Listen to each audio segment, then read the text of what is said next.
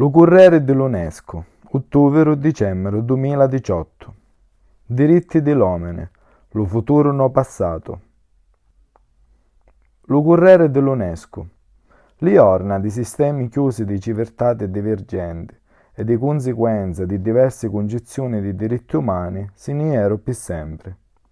La Dichiarazione universale di diritti umani, Dodo, è senza dubbio uno dei più grandi documenti da storia lo primo trattato internazionale di valore etici che fu adottato di tutta l'umanità, ha stato usato per 70 anni come uno standard comune, un arrivare per tutte le cristiane e tutte le nazioni. Citando il discorso fatto all'Assemblea Generale delle Nazioni Unite lo 9 dicembre 1948 di Eleanor Roosevelt, presidente della Commissione sopra i diritti umani e della Commissione Pabozza da Dudu lo giorno prima che la dichiarazione veniva adottata.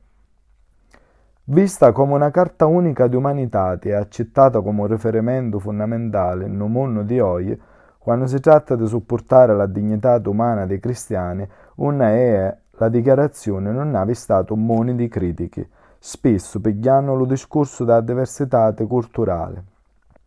Mentre è vero che nella sua forma, l'addudo, Ispirata assai da tradizione occidentale, è magari vero che nella sostanza i suoi principi sono universali.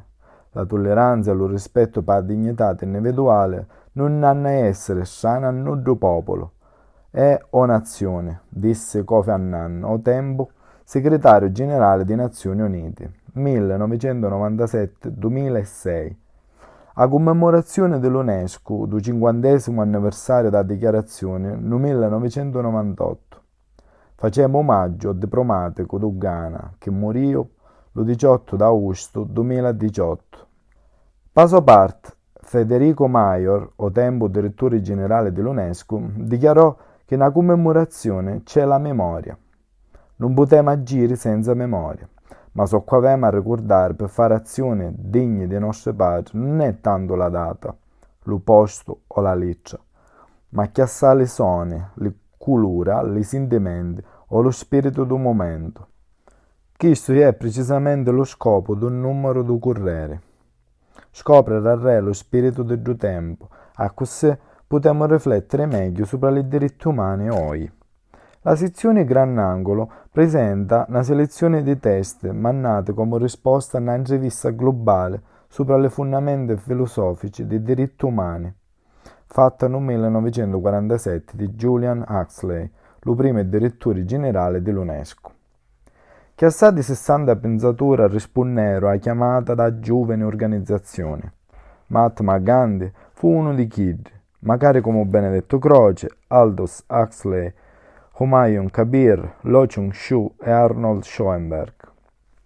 Un progetto di questo tipo fu particolarmente opportuno, perché questa questione si aveva imposto la coscienza del mondo.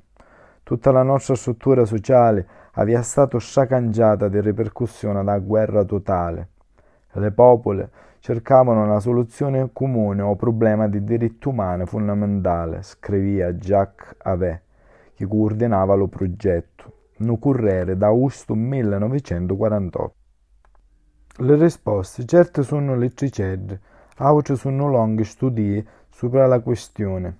Riflettiano, secondo lo giovane filosofo francese, quasi tutti i gruppi nazionali del mondo e quasi tutti gli approcci teologici. Certamente, mondo cambiò assai negli ultimi 70 anni.